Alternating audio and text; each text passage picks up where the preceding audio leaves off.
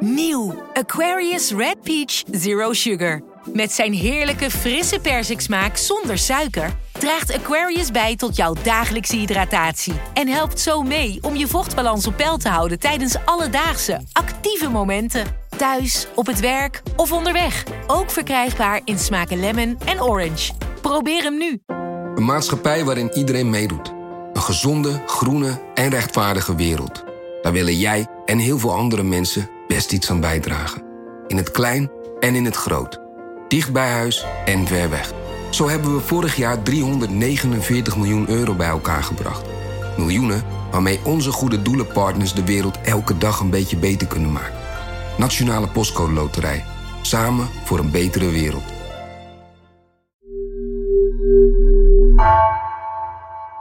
Hey Floor, heel leuk jij hier tegenover mij in de studio.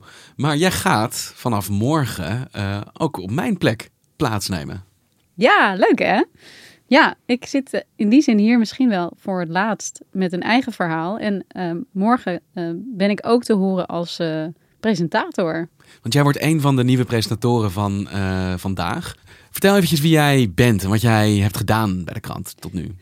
Ik uh, werk nu op de politieke redactie in Den Haag. Daar zit ik uh, eigenlijk net na de vorige verkiezingen in 2017. En hiervoor heb ik uh, bij de buitenlandredactie gewerkt. En heb ik ook een paar jaar gewerkt als correspondent in Brazilië. Um, en nu ga ik dus ook samen met jou deze podcast presenteren. Ik heb er heel veel zin in. Maar vandaag blijf ik nog eventjes op mijn plek zitten en mag jij daar aan de overkant. Zeker. Laten we beginnen. Vanaf de redactie van NRC het verhaal van vandaag. Mijn naam is Thomas Rup.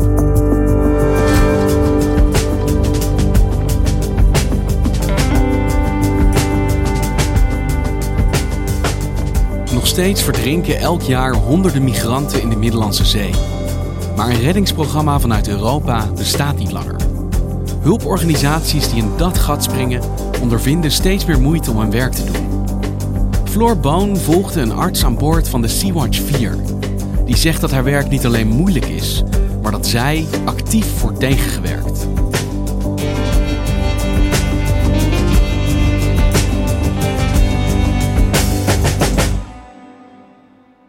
In de zomer van 2019 kreeg ik een mail van Aniek Krombach.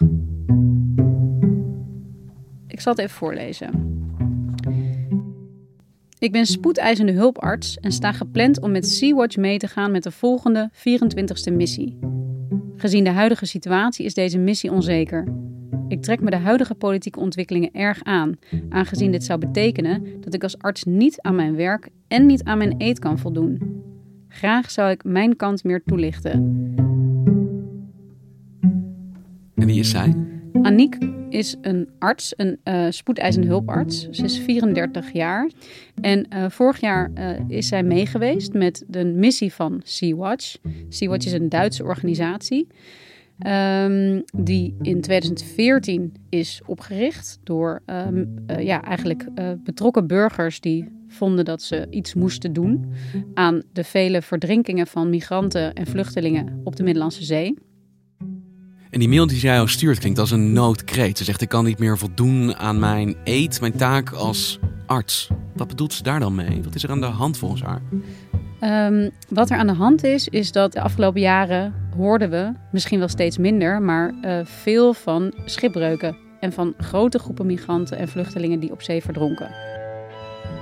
It's the deadliest migrant route in the world, according to the International Organization for Migration.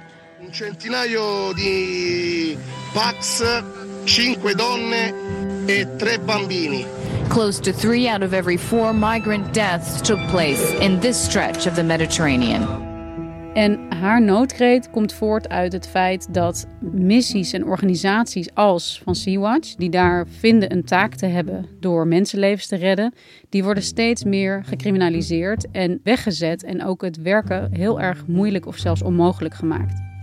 De Sea-Watch zorgt al maanden voor conflict binnen de regeringscoalitie. Moet het niet gewoon zo zijn dat je dat schip nu aan de ketting moet doen? Voor mij zink je het af en is het klaar? Ik ben van mening, de VVD is van mening, dat dit soort schepen dus mensensmokkel en andere criminaliteit in de hand werkt. Zij zijn een soort van symbool geworden voor hetgeen Europa niet meer wil. Namelijk een zogenaamde veerdienst vanuit Libië naar Europa. De Sea-Watch 3, de bemanning ook, maakt zich medeschuldig eraan en heeft dus in die zin ook bloed aan de handen als er mensen verdrinken. Dat is hun eigen schuld. De afgelopen maanden zijn er in totaal vijf reddingsschepen aan de ketting gelegd. Uh, onder het mom van um, administratieve zaken die ze niet op orde hebben. Of bureaucratische uh, dingen die ze moeten oplossen. Maar zij, die schepen, ervaren dit als politiek. Ja. Het is niet omdat zij een bepaalde reparatie moeten uitvoeren, maar omdat regeringen, Europese regeringen, niet willen dat die schepen daar op zee varen.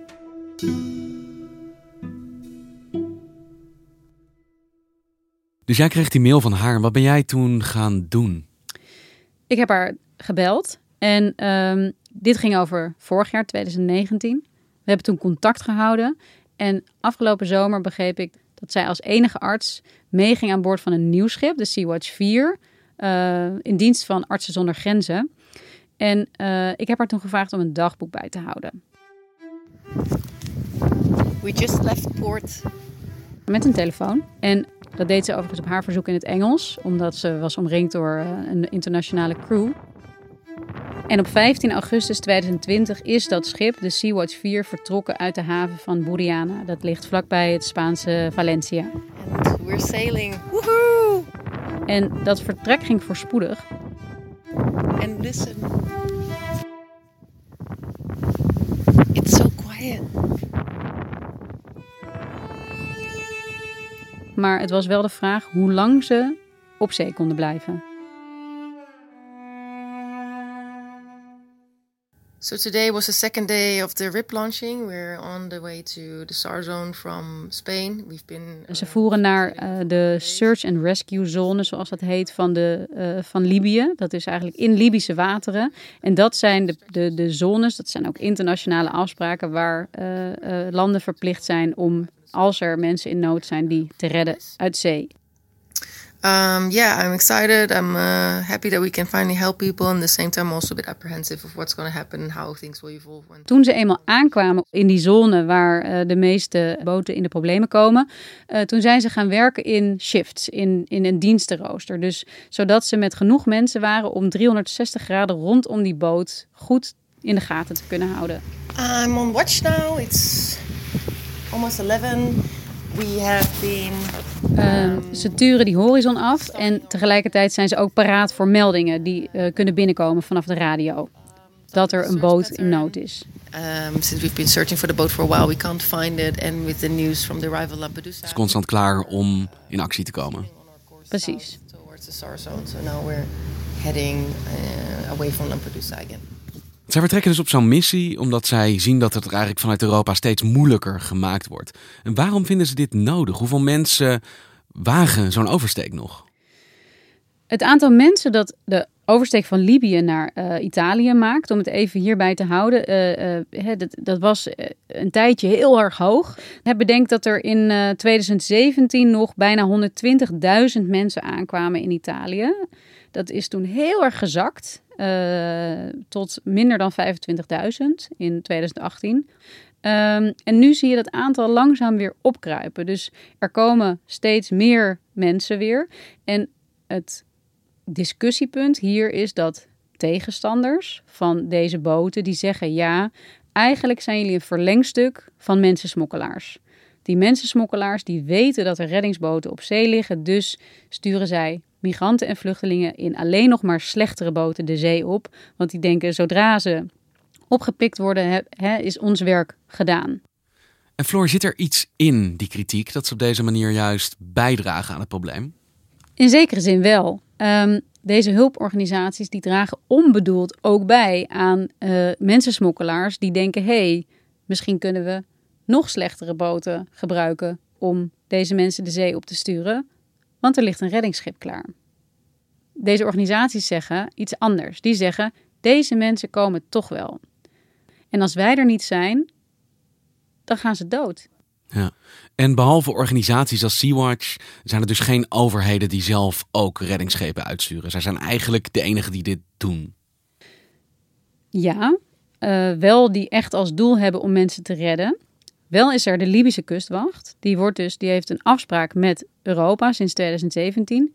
Europa betaalt geld om die kustwacht op te leiden en te financieren. En in ruil daarvoor voor zijn zij heel actief rondom die vertrekplekken vanuit de uh, Libische noordkust. En zodra zij een boot zien, dan sturen ze die terug naar Libië. De kritiek daarop van mensenrechtenorganisaties is dus dat de situatie zo inhumaan is in Libië dat het eigenlijk onmenselijk is om dat te doen. Dus die mensen die, die, die, komen weer terug in een nieuwe hel, zeg maar. Mensen zitten daar in detentie, in gevangenschap. Uh, er zijn heel erg veel verhalen van martelingen, van seksueel geweld, van uh, de meest vreselijke dingen. Mensen zitten voor onbepaalde tijd vast, zonder uitzicht op waar ze naartoe kunnen. Want jij hebt die kampen bezocht, daar hebben wij samen nog een aflevering over opgenomen. Ja, precies. Anderhalf jaar geleden heb ik, was ik daar in, uh, in, in, in Libië, nabij in Tripoli, de hoofdstad. En bezocht ik een van die vreselijke detentiecentra, zoals het dan nog heet. Mm. En je ziet nu, de laatste tijd zijn er weer meer meldingen geweest van uh, migrantenboten die uh, ten onder zijn gegaan of die zijn vergaan.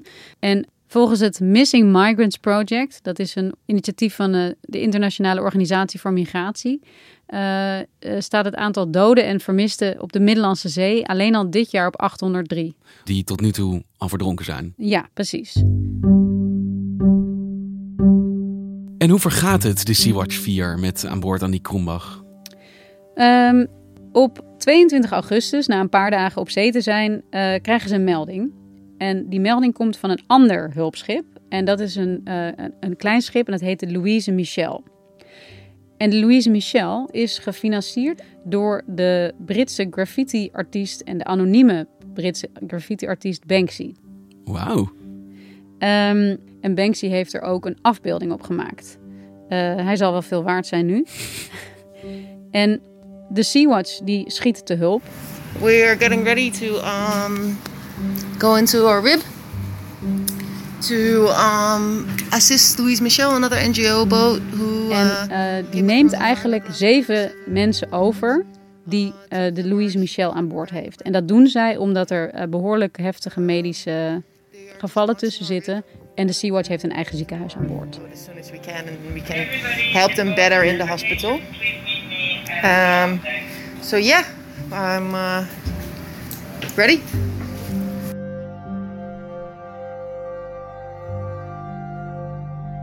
Een dag later, op zondagochtend 23 augustus, vindt de tweede redding plaats. Ze zien een zwarte rubberboot met naar schatting tientallen mensen. From a distance also again seem to have life vest and a lot don't. Dat blijken er 97 te zijn, uh, onder wie 37 kinderen. En de jongste is een baby van 10 maanden. And um, yeah, hopefully they're fine, the people. Um, but we have no clue how the boat is um, when we arrive there. So en okay. slaagt de redding? Uh, overleeft iedereen het? Iedereen overleeft het. 24 august 2020. Een dag later vindt meteen de derde redding plaats. En behoorlijk veel mensen hebben brandwonden. Which are sustained during their journey across the Mediterranean. Brandwonden is eigenlijk een hele ernstige aandoening die mensen die op zee varen op zeeonwaardige rubberboten opdoen. Want doordat benzinebussen vaak omvallen, komen er benzineresten in de boot terecht en die vermengen zich met zeewater. En daarmee ontstaat een soort chemische reactie op de huid, vooral met kleren aan. Dat komt overal tussen en dat veroorzaakt brandwonden. We provide emergency medical care for the, the people that arrive on our ship by showering them immediately. Wat de arts en de, de bemanning doet bij de meeste mensen van wie ze dat kunnen inschatten, is het douchen. Zodra ze aan boord komen, om te zorgen dat die resten weggaan en dat niet meer langer kan doorwerken.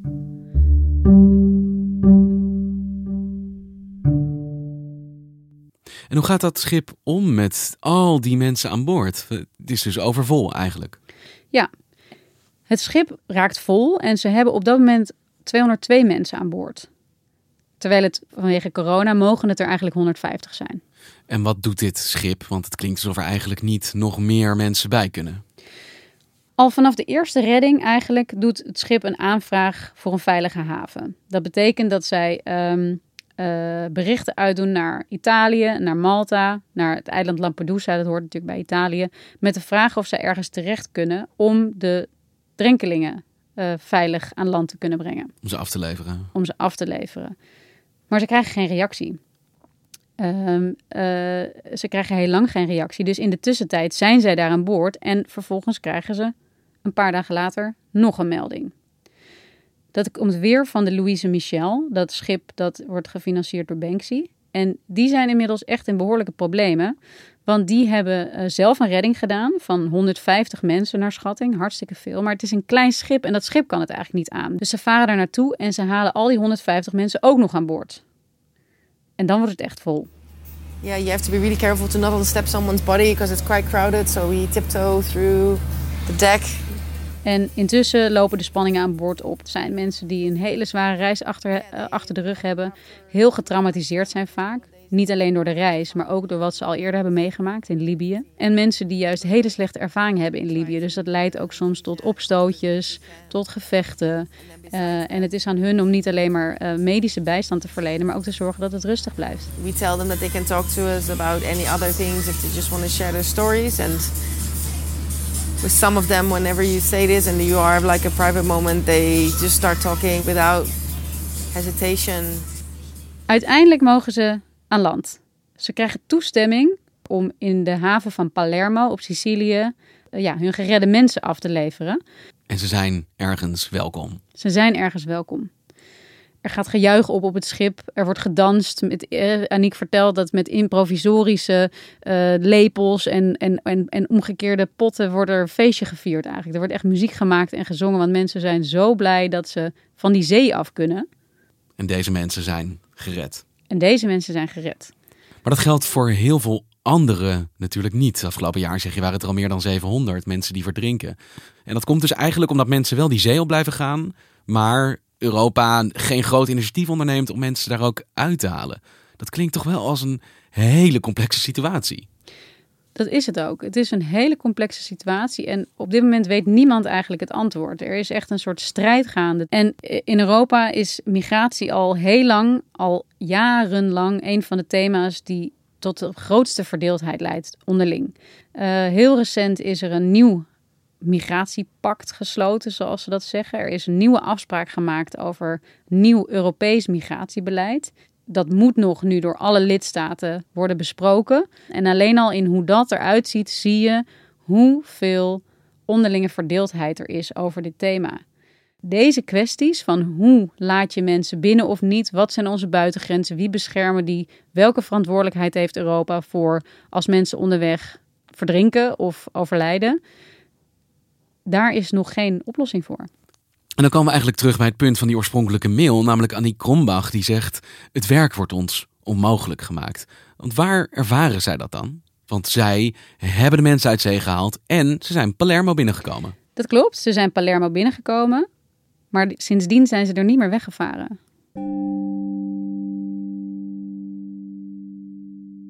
Wat er gebeurde is wat er vaak gebeurt. En zij werden gedwongen onderworpen aan een inspectie van de havenautoriteiten. Nou is dat iets wat, dat is het recht van iedere havenautoriteit om te doen. Mhm. Um, en die havenautoriteiten die hebben een lijst opgesteld met gebreken. Uh, die de Sea-Watch eerst moet verhelpen voordat ze verder gaan. Maar om je een idee te geven, een van de dingen uh, die hen ook wordt verweten, is dat uh, zij niet goed geregistreerd zouden staan. En de Sea-Watch vaart onder Duitse vlag, is in Duitsland geregistreerd. En Italiaanse autoriteiten die zeggen: jullie moeten in Duitsland onder een andere categorie geregistreerd staan. Maar die categorie bestaat helemaal niet. They've tried to find all the little things, all the small details to to put on their list so that it will only become longer and longer so that we will be stuck in port as long as possible and yeah, this is just really really upsetting. Dus het is een manier om hen langer in een bureaucratisch of administratief proces te houden. En zij hebben dus het gevoel dat hun iets wordt opgelegd wat helemaal niet bestaat. You really feel like they're trying to find anything to, to detain us on.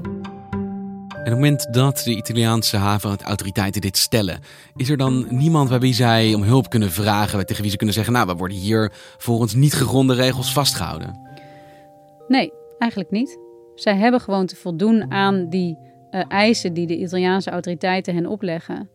En ze gaan in onderhandeling en ze spannen misschien een rechtszaak aan. Dus ze kunnen naar een rechter stappen, maar dat zijn hele lange processen. En in de tussentijd liggen ze stil. Want dat is nu het eindresultaat. De Sea-Watch 4 ligt nog steeds in Palermo. De Sea-Watch 4 ligt nog steeds in Palermo. En Annie Krombach? Anniek is weer terug in Nederland. Ze kijkt nu of ze hier tijdelijk uh, aan het werk kan in een ziekenhuis. Er is genoeg werk, ook voor spoedeisende hulpartsen. En zodra het weer kan, zodra de Sea-Watch gaat varen, wil zij weer terug en wil zij weer mee op missie. Dan gaat zij weer mee aan boord. Ja.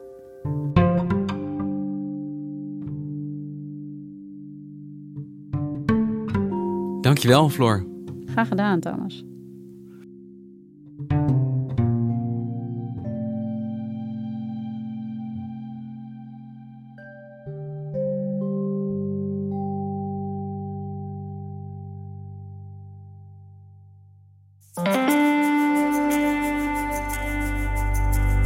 Je luisterde naar vandaag, een podcast van NRC. Eén verhaal, elke dag. Deze aflevering werd gemaakt door Felicia Alberding, Julie Blusset en Ido Haviga. De muziek die je hoort is van Rufus van Baardwijk. Chef van de audioredactie is Anne Moraal. Dit was vandaag, morgen weer.